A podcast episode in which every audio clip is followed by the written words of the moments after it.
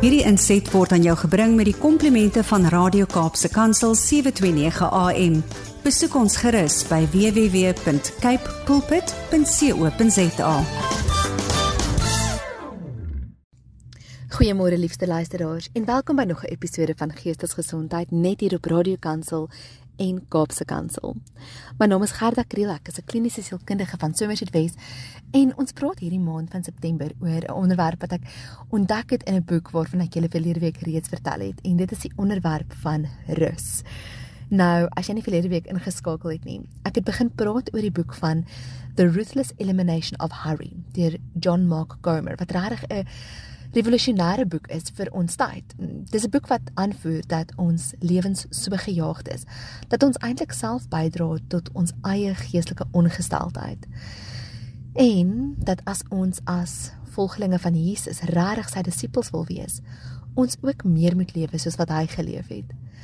Nou moet ek vir sê nêrens in die Bybel kry ek die prentjie dat Jesus besonder gejaagd was nie. Inteendeel, selfs wanneer hy baie mense moes bedien het, het hy dikwels tyd weggevat om stil te gaan raak en te bid en tog was hy impakvol en tog was sy bediening groot en besig. Nou ek het verlede week meer met julle gepraat oor hoekom rus so ongelooflik belangrik is. Nie net vir ons eie menslikheid individueel nie, maar ook net vir ons samelewing en hoe ons rus eintlik so erg tekort skiet in hierdie tyd. Nou vandag wil ek vir julle 'n paar praktiese wenke gee om rus in jou lewe te inkorporeer. Nou een van die heel eerste praktiese wenke wat ek vir jou kan gee vandag is om jou selfoon meer neer te sit.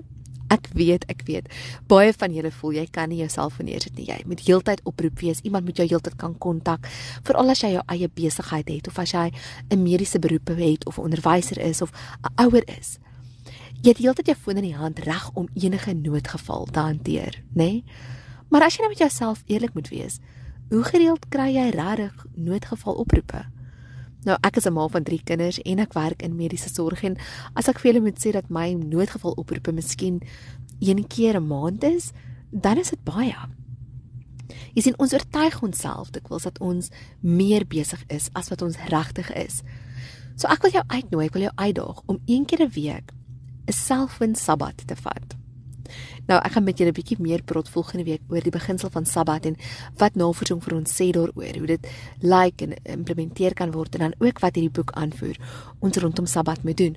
Maar om so lank een dag van die week te vat en net jouself neer te sit en nie op te tel nie en te maak asof jy eintlik onbeskikbaar is, wil ek jy moet probeer kyk wat doen dit aan jou geestelike gesondheid. Die tweede ding wat ek wil hê julle moet begin implementeer en regtig voor inkorporeer in terme van ritmes van rus is 'n daaglikse stilte tyd. Weereens, ek weet ons lewens is besig en dit voel vir my ook soms of ek glad nie kans kry vir 'n oomblik stil te raak nie.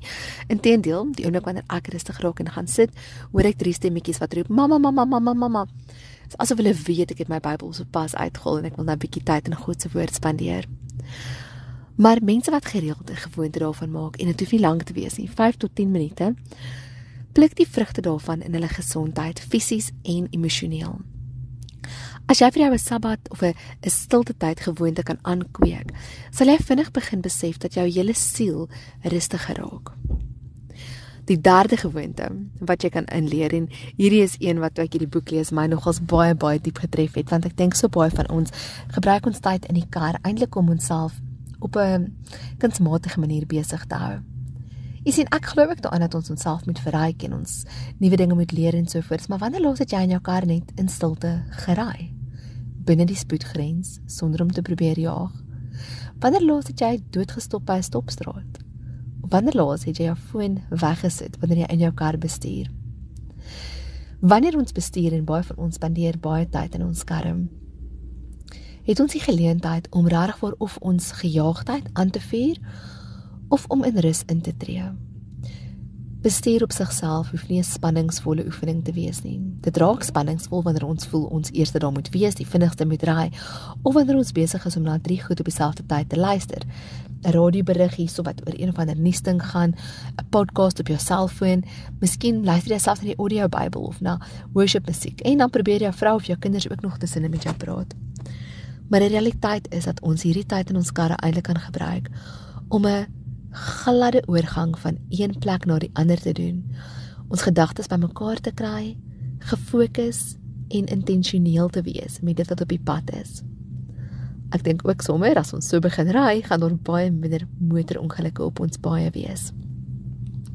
Luisteraars, nie een van hierdie take is besonder moeilik nie, maar wat dit van jou vereis is om te stop en teenwoordig te raak. Mark John Comer skryf ook dat dit 'n baie goeie praktyk is om te gaan stap. Nie stap om vinnig te stap nie, maar stap sommer net vir die plesier van stap. 'n Stap sommer met jou kinders sonder om hulle aan te jaag. Stap sommer met jou honde en stop ruikie blomme. Wees meer teenwoordig. Ons glo dikwels dat die lewe te vinnig beweeg en dat die lewe kort is en dat dit vinnig verbygaan. Maar tog lê ons ervaring van tyd binne ons persepsie daarvan.